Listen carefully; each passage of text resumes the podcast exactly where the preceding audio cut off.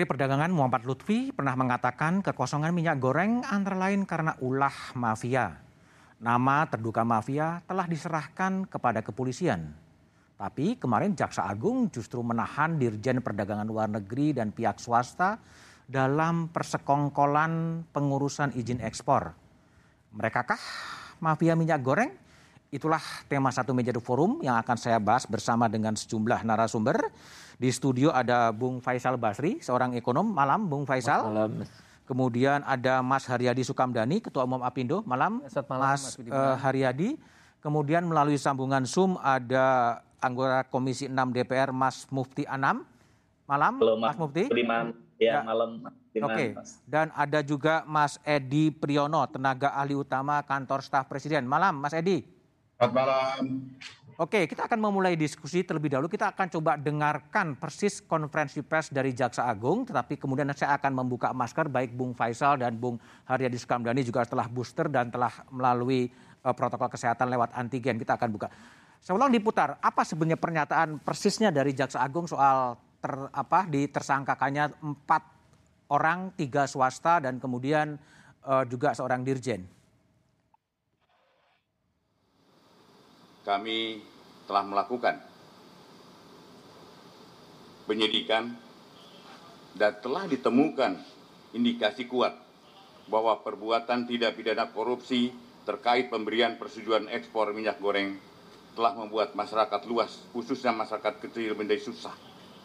Karena harus mengantri dan juga langkanya minyak goreng tersebut. Jaksa penyidik telah menetapkan tersangka dengan perbuatan melawan hukum yang dilakukan tersangka adalah satu, adanya permufakatan antara pemohon dengan pemberi izin dalam proses penerbitan persetujuan ekspor. Kedua, dikeluarkannya persetujuan ekspor kepada eksportir yang seharusnya ditolak. Bung Faisal, penjelasan Jaksa Agung tadi apakah memang mengindikasikan bahwa mafianya ada di Kementerian Perdagangan sendiri? Uh, ini saya menurut saya bukan kasus mafia ya. Bukan mafia? Bukan kasus mafia seperti apa ya uh, yang dibayangkan orang hmm. gitu. Tapi ini uh, karena CPO dan turunannya itu adalah produk yang bisa diekspor hmm? dan kalau diekspor uh, berdasarkan harga tertentu mereka bayar uh, pajak ekspor, hmm? mereka bayar bea sawit, okay. ya CPO dan turunannya. Okay. Jadi ada, uh, uh, jadi bukan barang yang dilarang, dilarang ekspor. diekspor. Okay. Nah, jadi tapi setiap yang diekspor harus ada izin ekspor. Oke. Okay. Nah, kesan saya dari statement tadi izin ekspornya ini yang di uh, ditransaksikan. Ada kong kali kongnya oh, ditransaksikan. Oh, Tapi kita tidak tahu. Misalnya izin ekspornya dapat uh, 10 ton. Huh? Uh, harusnya misalnya lima ton, mungkin itu ada sogok-sogok. Hmm. Jadi kasusnya uh, korupsi biasa kalau korupsi biasa. Ya. Tapi bukan menjawab kan uh, Menteri Perdagangan pernah mengatakan bahwa ada mafia dan Kementerian Perdagangan kemudian juga mengatakan siap berperang melawan mafia. Tapi sekarang ada satu kasus yang kemudian yang menjadi tersangka adalah dirjen dari Kementerian Perdagangan. Menjawab ini sesuatu yang berbeda atau gimana sebetulnya? Uh, sebetulnya kan banyak sekali celah yang bisa terjadi karena akar masalahnya tidak diselesaikan. Oke. Okay. Ya kan intinya uh, minyak goreng uh, uh, langka karena pasokan CPO-nya tersendat. Hmm. Kenapa? Karena kalau CPO saya jual ke pabrik minyak goreng, harganya lebih rendah okay. daripada kalau saya jual ke pabrik biodiesel. Hmm. Karena kalau jual pabrik biodiesel itu harganya saya dapat harga ekspor. Oke. Okay. Jadi lebih tinggi gitu. Okay. Nah, kemudian jadi sumber masalahnya adalah uh, ada dua harga CPO itu yang membuat langkanya si minyak goreng ini. Oke, gitu. oke. Tapi gini, kalau saya baca Twitter dari Bung Faisal Basri apa mengatakan maling teriak maling. Ini sebetulnya yang maling siapa yang diteriakin maling siapa? Kalau dalam konteks ini? Ya kalau ini benar uh, salah si dirjen ini dia kan maling berarti dia maling Se- sebelumnya dia me- me- menuduh ada pihak-pihak lain yang yang maling gitu. Oke. Bahkan mafia dis- disebut Mafia. mafia, kan luar biasa ya. Ah. Padahal dialah yang menyebabkan eh, eh, izin ekspor itu bisa keluar. Yang sebetulnya izin ekspor bisa-bisa saja wajar keluar. Hmm. Tapi jadi kalau dari dari bahasa-bahasa yang dipilih oleh Bung Faisal memang masih belum terlalu yakin bahwa ini adalah sebuah eh, persekongkolan gitu untuk menguntungkan pengusaha-pengusaha yang akan mengekspor sawitnya ya. Selama ini eh, eh, pengusaha itu sudah sedemikian sangat banyak dapat manfaat dari ketentuan yang dibuat oleh pemerintah. Oh. Jadi selama ini pemerintah itu memanjakan pengusaha-pengusaha ini. Hmm, memanjakan pengusaha-pengusaha ini. Jadi bayangkan eh, kalau dia beli eh, sip- eh, di- dia bikin biofuel harganya tinggi. Kemudian dapat subsidi selama ini 120 triliun lebih. Oke. Tahun lalu aja 50 triliun gitu kan. Jadi eh, kemanjaan-kemanjaan itu dinikmati dan oleh segelintir pengusaha saja. Selintir pengusaha ya. Oke, saya ke Mas Mufti Anam, eh, apa eh, Komisi 6 DPR yang ketika rapat dengan Kementerian Perdagangan juga begitu kritis. Mas Mufti, apakah kemudian eh, mafia inilah yang dimaksudkan oleh Menteri Perdagangan ketika memberikan penjelasan di depan Komisi 6 DPR menurut Anda?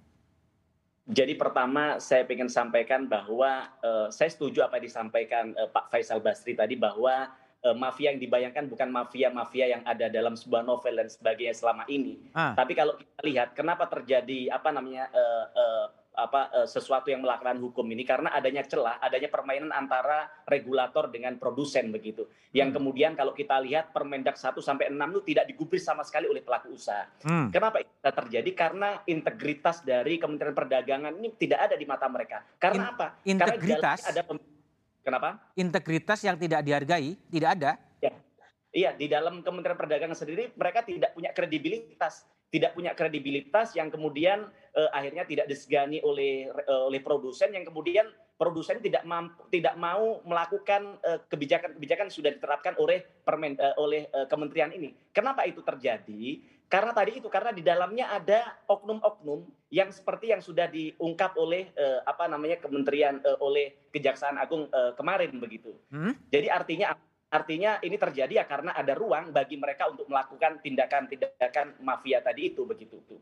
Terus kemudian apakah ini yang ditangkap itu adalah mafia yang disebutkan oleh Pak Mendak begitu? Atas pertanyaan panjenengan tadi. Hah? Saya pikir kalau kita siapa sih yang ditangkap ini kan kalau kita lihat masih klasteri kan begitu. Siapa Klasteri sih ya. hanya seorang Ya klasteri di mata saya karena apa? Kalau kita lihat dari sisi produsen hanya seorang komisaris, Ah. hanya seorang general affair begitu, Hmm. hanya seorang dirjen. Yang Ah. kita tahu bahwa dirjen ini tidak mampu, tidak akan melakukan kebijakan sefatal itu, tidak se ini itu kecuali atas eh, atas atensi dari pimpinan tertingginya, apalagi dalam situasi pelik kelangkaan minyak goreng saat itu begitu. Artinya mereka dikorbankan, mereka menjadi pion, atau memang ada sesuatu yang lebih besar dari itu, Mas Anam?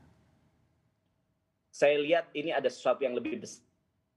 Saya, saya berharap, saya masih percaya, saya sangat yakin dan percaya terhadap eh, kinerja Kejaksaan Agung. Kita sangat mengapresiasi kinerja penegak hukum, tapi harapan kita tidak berhenti di situ, karena kita tahu bersama bahwa dalam sebuah perusahaan tidak mungkin orang sekelas mereka ini mampu mengambil kebijakan dan bernegosiasi dengan regulator tanpa adanya izin dari pemilik perusahaan tersebut. Oke. Maka harapan kami, kami mendorong untuk bagaimana Kejaksaan Agung juga untuk mengaudit eh, investigasi secara detail terhadap pemilik pemilik dari perusahaan-perusahaan besar ini yang tentu kita lihat bahwa ini cukup merugikan rakyat jika itu betul terjadi begitu. Itu dari sisi perusahaan. Kalau dari sisi kementerian, apakah kemudian seorang dirjen juga bisa memberikan keleluasaan seperti itu atau ada atasannya mungkin Pak Menteri juga tahu apa yang terjadi di bawahnya? Saya saya kira bahwa di tengah situasi yang eh, apa namanya yang eh, sangat pelik ini di di mana-mana langka minyak goreng kemudian hari ini juga curah juga apa eh, tidak berjalan sesuai dengan HET yang diterapkan, saya kira ini perlu atensi dari Kementerian Perdagangan. Sehingga apa? Sehingga kesimpulannya bahwa dalam setiap kebijakan saya yakin pasti dimonitor oleh seorang menteri dalam Hmm. kebijakan-kebijakan yang diambil oleh Dirjen Perdagangan Luar Negeri ini apalagi soal urusan ekspor. Hmm. Bayangkan ketika ekspor ini bayangkan di dalam negeri kita ada kelangkaan, ada kemudian mereka tidak memenuhi peraturan-peraturan yang ada sehingga di lapangan harga mahal dan sebagainya. Ini terjadi karena ada keleluasaan untuk mereka melakukan ekspor CPO ini begitu. Hmm. Maka harapan kami pemerintah harus punya prioritas, harus tegas bahwa kebutuhan dalam negeri ini harus menjadi tujuan utama begitu. Untuk kemudian ketika dalam negeri sudah terpenuhi baru apa eh, kita memikirkan untuk bisa diekspor dan sebagainya begitu. Mas Mufti, kalau kita ikuti penjelasan ya. dari Menteri Perdagangan di Komisi 6, bukankah dulu diungkapkan bahwa data-data itu telah disampaikan kepada kepolisian? Tetapi sekarang yang bikin jumpa ya. pers Kejaksaan Agung. Gimana Anda lihat itu? Oke. Jadi pertama saya lihat bahwa bukan domain Menteri Perdagangan sebenarnya untuk menyatakan bahwa ini ada mafia yang sudah kita laporkan yang kemudian hari Senin akan diumumkan yang ternyata tidak diumumkan juga. Hmm. Karena apa? Karena kepolisian kan juga punya prosedur punya apa uh, punya SOP untuk bagaimana menetapkan orang menjadi seorang tersangka atau enggak. Ketika tidak memenuhi unsur-unsur itu tidak ditemukan dua alat bukti ya tentu dong tidak bisa apa namanya diambil tindakan hukum begitu. Maka uh, kami lihat bahwa pernyataan itu offset begitu. Offset. Bahkan hari ini kalau ya offset begitu. Bahkan hari ini kenapa? Bahkan hari ini kalau kita lihat uh, uh, panjenengan lihat di banyak media sekarang viral bagaimana ternyata siapa yang kemudian Menteri Perdagangan di, di rapat kali itu dia bilang bahwa besok hari Senin akan ditangkap mafia ini, ternyata yang bisiin adalah Dirjen Perdagangan Luar Negeri yang kemudian banyak meme-meme muncul hari ini di media, oh ternyata yang bisikin itu toh yang mafianya begitu. Oh, jadi pembisiknya mafianya gitu? Iya, sekarang lagi lagi muncul banyak banyak itu di banyak media sosial soal itu. Oke, baik baik. Saya ke Mas Haryadi Sukamdani. Saya ingin dengar dari uh, perspektif pengusaha. Ini kan ada tiga pengusaha ya yang kemudian ditersangkakan oleh Kejaksaan Agung. Gimana Mas Haryadi lihat dalam perspektif pengusaha? Ya, jadi kalau saya melihatnya gini, ini kan per, apa untuk persetujuan ekspor itu harus ada bukti di MO-nya. Hmm. Ya kan? Yang berkesalahan sekarang ini kan uh, seolah-olah bahwa di MO-nya itu belum uh, dilaksanakan huh? tapi dapat izin dapat ekspor. ekspor. Nah, Oke. Okay. Sekarang yang kita mesti dalami karena ini kan masih berproses Mas Budiman. Jadi kita belum tahu datanya hmm. itu seperti apa. Kan kemarin baru narasinya pokoknya ini melanggar nih gitu kan kira-kira hmm. gitu ya. Tapi kita belum tahu datanya itu seperti apa. Nah, ini yang menarik adalah nanti kita kalau ini nanti berproses karena para yang sekarang ini jadi tersangka pasti mereka juga punya bukti kan. Ya. Kalau ini nanti ke pengadilan kan pasti juga akan buka semua buktinya. Hmm. Nah, jangan sampai saja saya hanya apa khawatir nanti ternyata memang move ini adalah asal ada korban gitu. Asal, ada, asal ada, korban. Ada, ada kambing hitamnya okay. karena udah terlanjur dibicarakan bahwa ini mafia lah segala macam. Ah. Karena menurut saya gini ya, nih dari kita melihat dari perspektif objektifnya aja. Ah. Kebijakan DMO domestic market obligation dan domestic uh, price, price obligation, obligation DPO itu kan jelas-jelas memang jadi bermasalah. Hmm. Dan karena bermasalah kan kemarin dibatalkan kan. Hmm. Nah, jadi sebetulnya ya memang dari awal memang udah salah juga ininya hmm, gitu loh. Karena, ya. karena uh, udah jelas-jelas memang secara dunia terjadi uh, kelangkaan ya short hmm. daripada minyak nabati kan. Hmm. Memang harga itu pasti naik. Nah, ini yang yang tidak di apa yang tidak dilihat secara objektif tapi terus mohon maaf ya cari gampangnya aja pokoknya yang salah pengusaha aja gitu hmm. kan. Nah, itu yang sebetulnya kan ada kita luruskan. Juga. Iya, artinya kan yang di, di, dipermasalahkan seperti itu. Padahal kita udah lihat dan kebijakan itu akhirnya dicabut. Walaupun masyarakat juga pada ngomel-ngomel. Ini ya, gimana ya. sih kemarin aturannya hmm. apa ada di MO, di PO tapi nggak bisa jalan kan gitu kan. Ya. Nah jadi kalau menurut saya kembali kepada apa poin masalah ini adalah uh, nantinya harus secara apa secara jujur lah, secara jernih dilihat hmm. masalahnya apa. Ya kan masalahnya kalau memang uh, tadi nanti Eh, ternyata datanya tidak seperti apa yang dituduhkan. Okay. Nah ini kan juga berarti kan kinerja yang menuduh juga mesti dilihat juga nih apa karena beberapa kali ada isu-isu yang seperti ini yang hmm. akhirnya uh, pengusaha itu dituduhkan sesuatu akhirnya dia udah sampai kolaps dan sampai sebagainya dan nggak kebukti gak terbukti. Nah itu yang yang okay. yang yang kita harus uh, lihat nanti okay. seperti itu Mas Budiman. Oke, okay. saya akan ke Mas uh, Edi Priyono uh, tenaga ahli utama KSP. Jadi kalau sekarang kemudian seorang dirjen di Kementerian Perdagangan telah ditetapkan sebagai tersangka eh, apa soal e, ekspor, eh, gimana kemudian pemerintah dalam hal ini KSP melihatnya? Tapi jawaban Mas Edi setelah jeda berikut ini.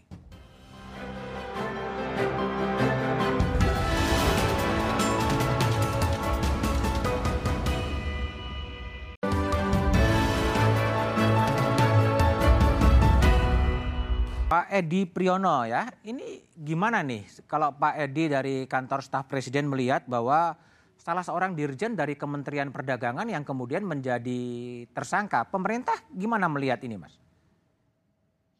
Ya kalau negatifnya ya kita menyayangkan ya jajaran hmm. birokrasi yang diduga terlibat. Meskipun kita harus asas praduga tidak bersalah juga ya. Oke. Okay. Tersangkakan belum tentu salah juga. Hmm. Tapi secara dari sisi positif ya menunjukkan bahwa selama ini kan kemudian ada keraguan kan bahwa ini presiden benar nggak tegas hmm. atau nggak melindungi anak buah atau enggak. Ya nyatanya kan kalau ada dugaan kan di ya diusut ya sesuai dengan proses gitu. Dan dari kemarin saya dalam beberapa kesempatan sudah sampaikan gitu loh bahwa loh kan selama ini kan juga ada menteri yang terduga korupsi kemudian terbukti korupsi kan juga di, diusut kemudian di, dihukum. Jadi kalau dari sisi Bapak Presiden ya udah jelas bahwa ikuti proses. Kalau ada dugaan pelanggarannya ditangani saja. Tapi kalau dari sisi saya pribadi, saya nggak pernah pakai kata-kata mafia dan sebagainya. Itu kan kata-kata yang menarik, tapi kan kita nggak terlalu jelas sebenarnya mafia. Tadi intinya kan ada dugaan pelanggaran hukum. Ya kalau ada dugaan pelanggaran hukum ya ditangani seperti itu aja. Tapi kalau Pak Edi lihat tadi kan kalau lihat dari potongan video tadi eh, Pak Menteri Perdagangan di BCI oleh Pak Wisnu bahwa tersangka itu akan diumumkan pada tanggal 21 Maret, tetapi tersangkanya diumumkan oleh Kejaksaan Agung ya Pak Dirjen itu sendiri. Gimana ini Pak Pak Edi lihat?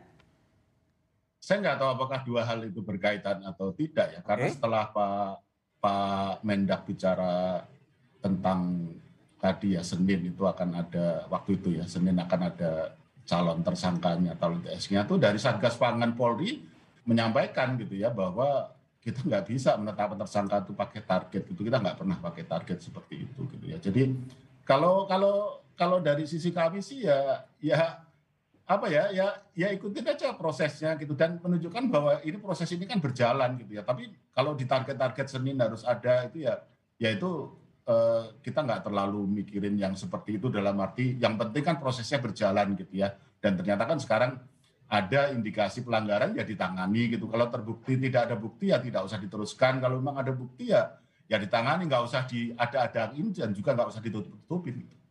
Ya, tapi kan kemudian kalau penjelasan dari Pak Lutfi sendiri dilaporkan kepada polisi tanggal 21 tersangkanya nggak ada, terus kemudian Kejaksaan Agung yang mengumumkan dengan empat tersangka gitu. Ini publik bisa membaca juga macam-macam datanya diserahin ke polisi yang mengumumkan Kejaksaan Agung.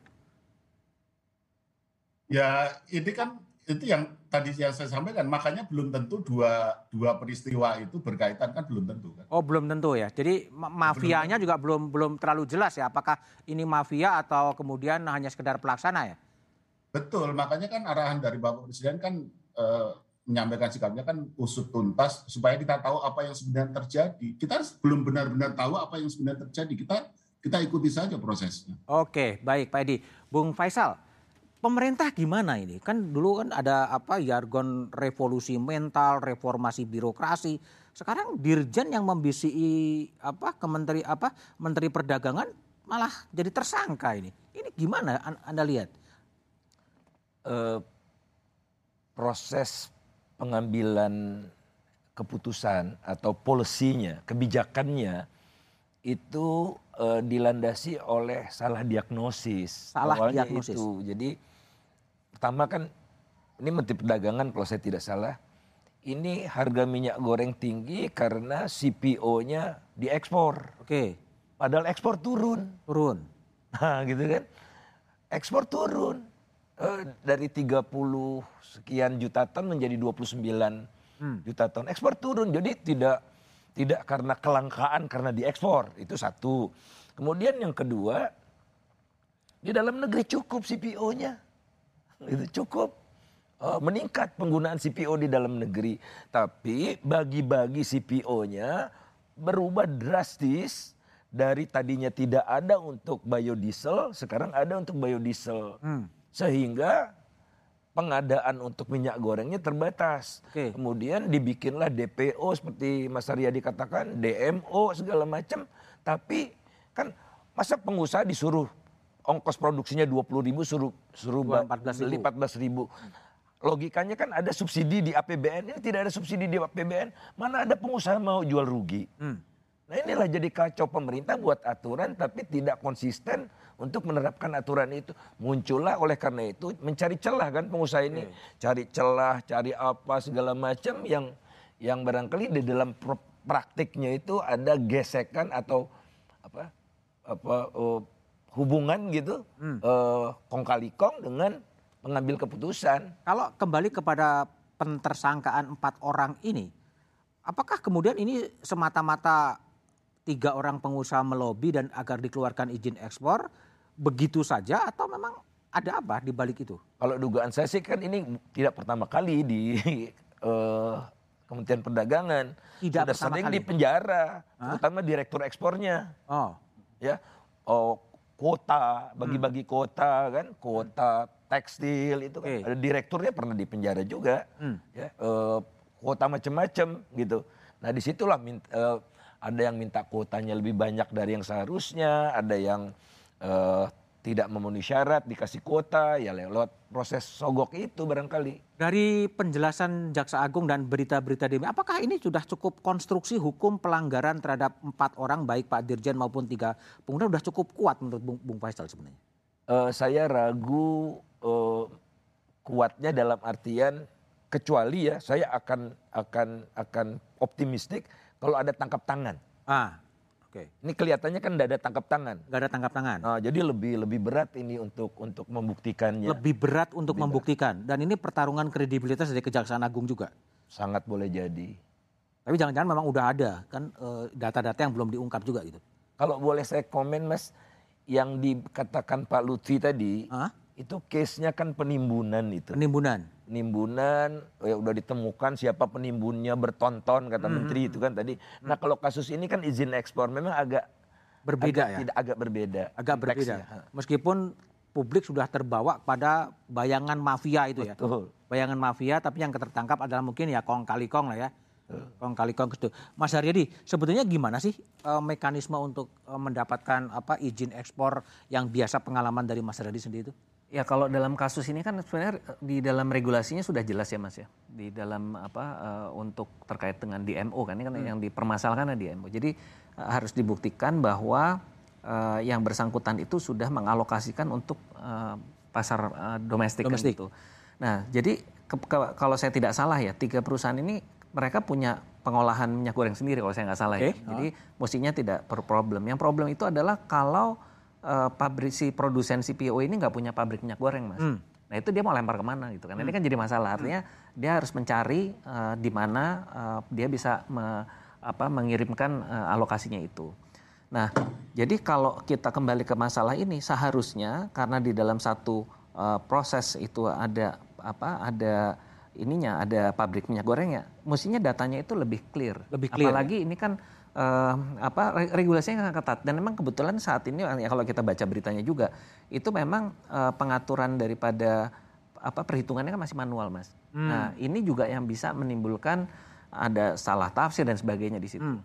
Nah itu saya, saya bicara adalah yang terkait dengan ekspor. Yang di dalam negeri itu juga uh, masalah juga yang pabrik uh, minyak goreng nggak punya ekspor. Hmm. Itu juga problem juga kemarin kan, karena dia kena DPO-nya, kena hmm. domestic, domestic uh, price obligation itu. Nah, hmm. jadi kalau saya melihat sih sebetulnya Mas ya, jadi ini memang uh, kebijakan yang uh, diambil mohon maaf saya bilang sih serampangan gitu pokoknya serampangan serampangan diambil pokoknya yang penting dia, pikir bahwa dengan begitu dia bisa mengendalikan mengenai harga itu Nggak, yang nah, serampangan yang mana nih kebijakan DMO oh, kebijakan DPO, DMO dan nah, DPO-nya nah itu mengakibatkan terus akhirnya kan yang yang pabrik di dalam negeri akhirnya nggak mau jual, tidak mau jualan kan kan pasti rugi mas hmm. ya kan karena dia kalau yang ekspor kan cross subsidi. Oke. Okay, okay. Hasilnya ekspornya itu bisa cross subsidi yang yang dia pabrik di, uh, minyak goreng yang dalam negerinya kan gitu ya.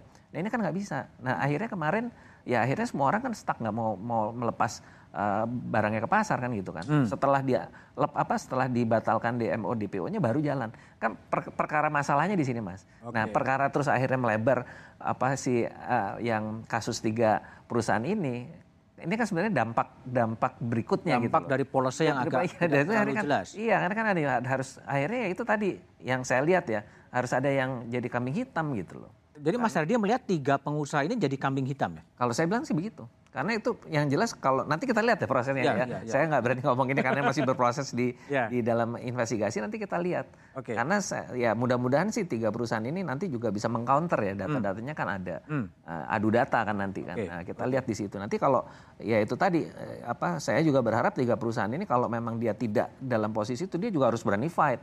Karena dulu pernah ada kejadian juga yang di kasus beras Hmm. si pengusahanya dikriminalisasi dia takut kan. Dia akhirnya disuruh ngaku salah, ngaku salah. Mudah-mudahan ini tidak begitu ya. Kalau kambing hitam, kalau itu kambing hitam pelaku utamanya sebenarnya siapa?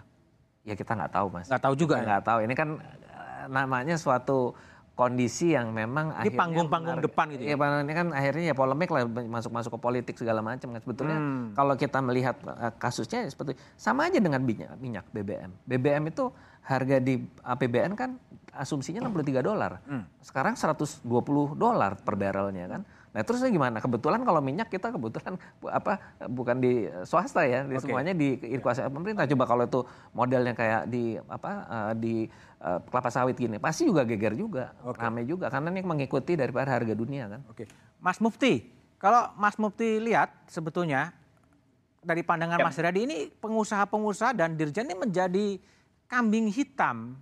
Kalau menurut Anda gimana? saya kira bahwa apa namanya pengusaha kita ini sudah cukup dimanjakan ya sama negara sebenarnya. Sudah Hah? banyak yang sudah dilakukan oleh negara. Nah, sebenarnya ini adalah soal komitmen dari teman-teman pengusaha saja soal bagaimana mereka eh, bisa mengikuti eh, atas apa peraturan yang diterapkan oleh pemerintah.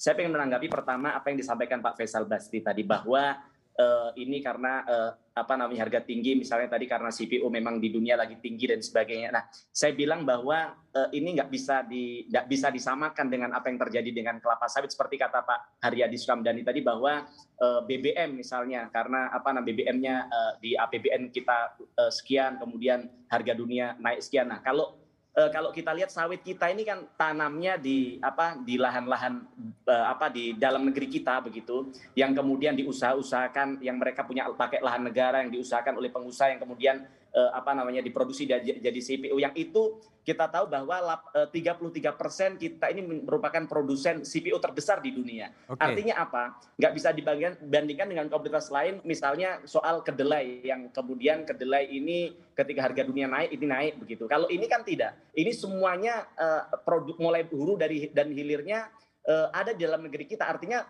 untuk masyarakat kita harapan kita tidak mengikuti harga internasional begitu. Kalau eh, apa eh, kalau pengusaha punya hati nurani dalam soal itu begitu, Pak. Tapi kembali lagi, nanti pertanyaannya apakah betul tiga pengusaha ini sekedar apa eh, kambing hitam karena memang terlanjur ada opini publik yang mengatakan bahwa ada mafia di balik kelangkaan minyak goreng. Tapi analisisnya setelah jeda berikut ini saja.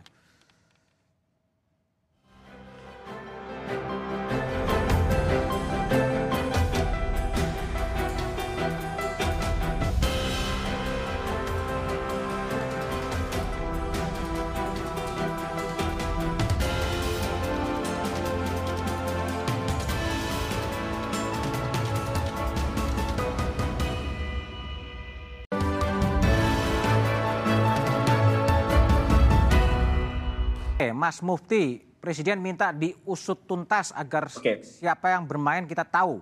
Gimana Anda memandang pernyataan dari Presiden itu?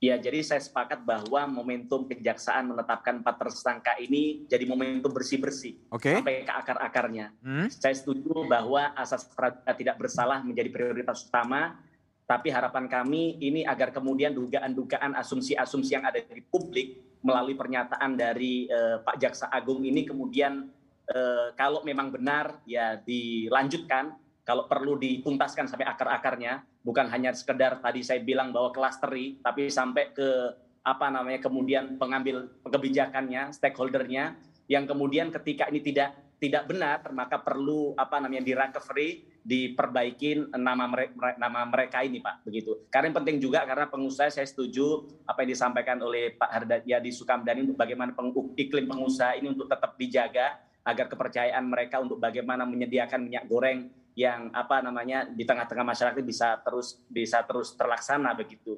Tapi sekali lagi harapan kami bahwa eh, mafia ini eh, perlu di apa perlu diungkap tuntas betul tidak ada ada tidak mafia ini Terus kemudian ketika tidak ada apa yang menjadi penyebab kelangkaan di lapangan selama Hmm. ini begitu. Hmm. Maka harapan kami ini perlu dijawab karena sebagai bagian dari upaya kita ke depan untuk bisa jadi pembelajaran terhadap- terhadap eh, pola-pola pengambilan kebijakan begitu. Oke, Bung Faisal. Jadi Presiden sudah mengatakan usut tuntas agar si- siapa pun yang bermain kemudian eh, terungkap kebukan. Cukup perintah itu? Eh, saya takut Pak Presiden ini eh, kurang informasi. Maksud maksud saya begini. Oke, Pak Presiden kan mengeluh mengapa perintahnya dalam tanda Ya. petik tidak jalan. Hmm. Mengapa masih langka? Masih langka. Gitu. Hmm. Padahal yang salah kebijakannya menetapkan HET 14.000 untuk curah. Hmm. Ya tidak ada yang mau beli 14.000 itu. Nah dicari siapa yang salah? Oh yang salah kebijakannya. Gimana nah, kalau begitu? Nah Pak Jaksa Agung jadi pusing kan ditargetkan Hmm. begitu-begitu. Oh carilah, cari yang ini barangkali ini. Yang kena Oh, apa sekedar bukti sudah bekerja sesuai dengan sekedar bukti udah bekerja. instruksi presiden begitu. Tapi apa, apakah harus cukup di situ aja?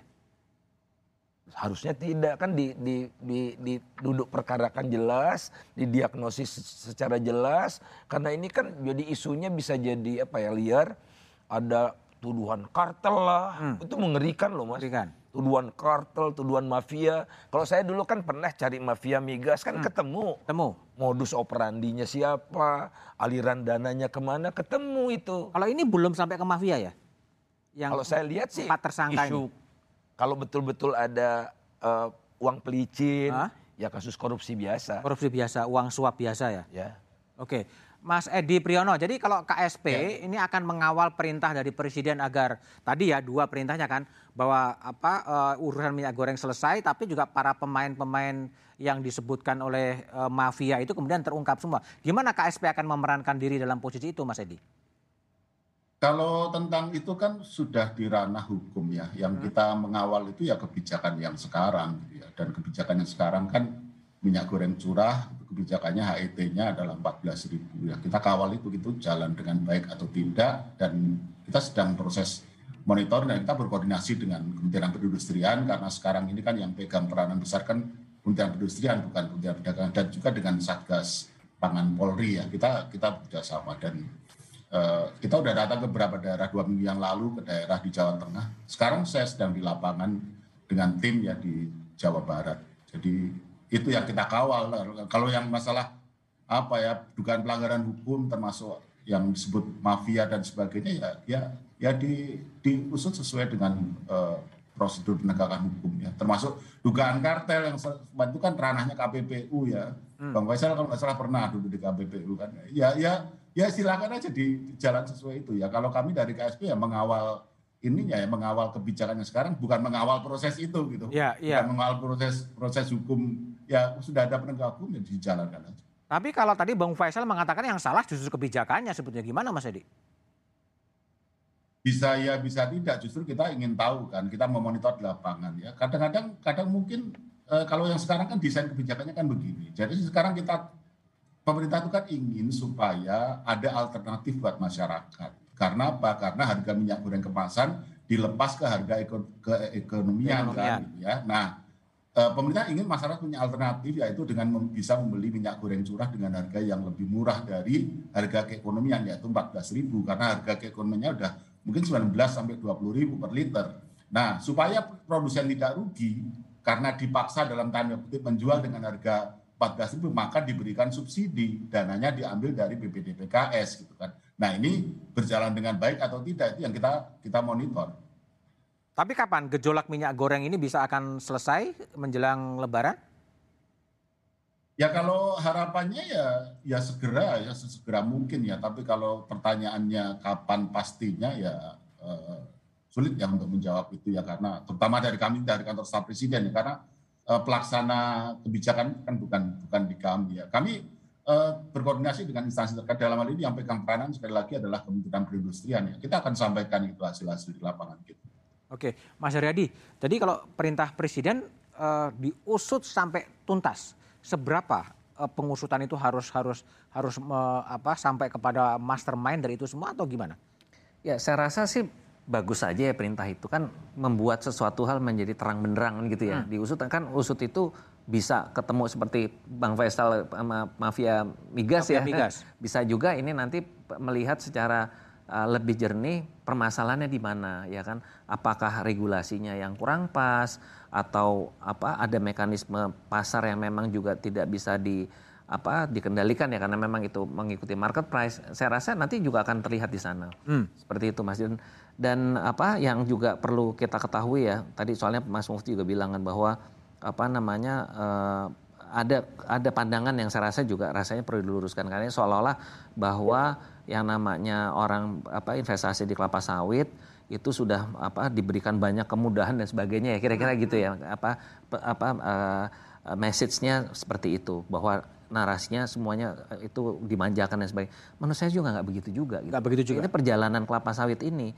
kalau tidak zamannya Presiden Soeharto zaman dulu memberikan afirmatif untuk ini nggak jadi mas. Nggak jadi juga. ini apa kalau kita lihat ya. Jadi jangan dilihat hari ini wah seolah-olah ini enggak juga dari apa waktu pas zamannya Orde Baru itu kan memang apa presiden memberikan keberpihakan yang sangat luar biasa untuk supaya ini jadi gitu loh. Hmm. Sampai ke perjalanan sampai hari ini. Jadi di perpanjangan dan selama perjalanan ini investasi yang ditanamkan itu juga tidak sedikit kan. Bayangkan dia tuh 4, 4 sampai 5 tahun baru dia berproduksi. Oke. Okay. Ya. Belum lagi uh, masalah-masalah dan si apa dan uh, apa industri sektor ini juga dia harus membayar pajak ekspor loh. Dia bukannya nggak itu dia harus pajak pajak ekspor, dia harus menyisikan untuk ya. uh, badan pengelola dana perkebunan sawit. kelapa sawit ya kan. Jadi tidak seperti itu. Belum lagi juga biaya produksi sekarang ini pupuk naik loh Mas karena uh, masalah Ukraina. Jadi mari kita lihat ini karena saya harus meluruskan ya karena jangan sampai juga nanti wah apa namanya nih udah dikasih enak-enak enak-enak ya nggak juga semuanya juga nggak rasanya sih nggak ada yang enak ya semua juga perjuangan gitu.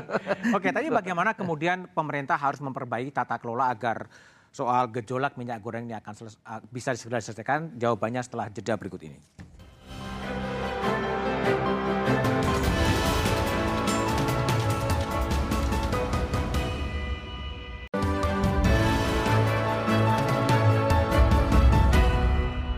Forum. Saya ke Mas Mufti Anam, Komisi 6 DPR.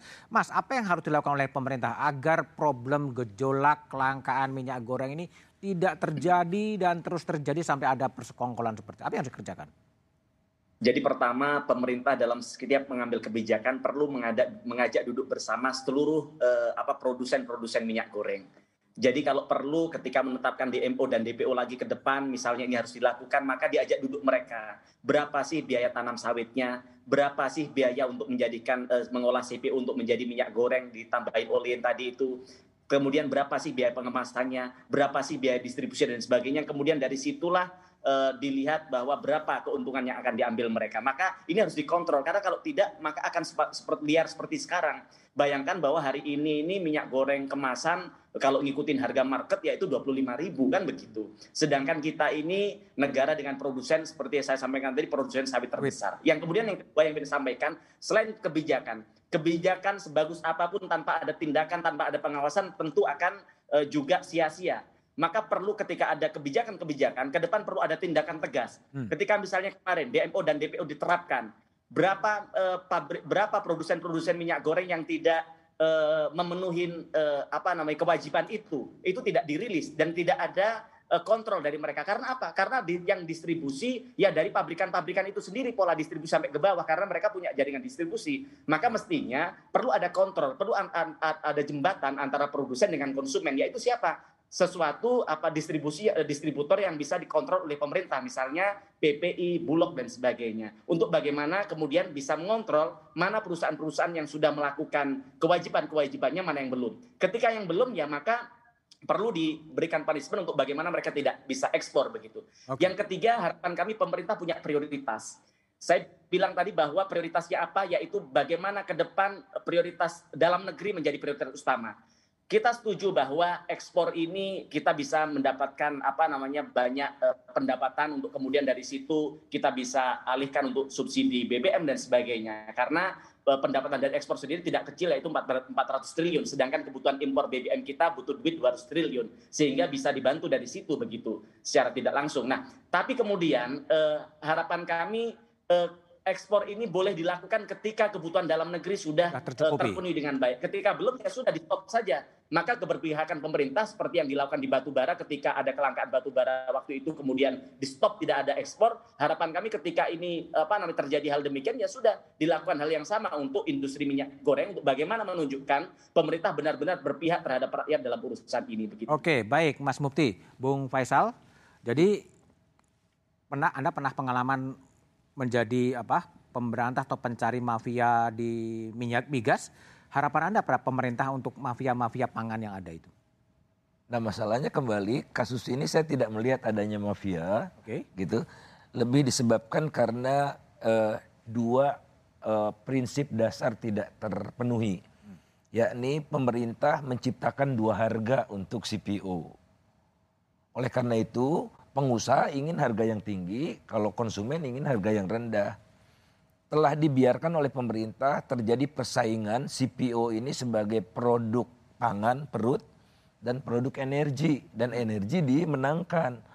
Konsekuensinya ya untuk pangan di Turun kesampingan. eh, apa di, di Nomor tidak duakan. di, di nomor duakan. Akibatnya ya seperti ini.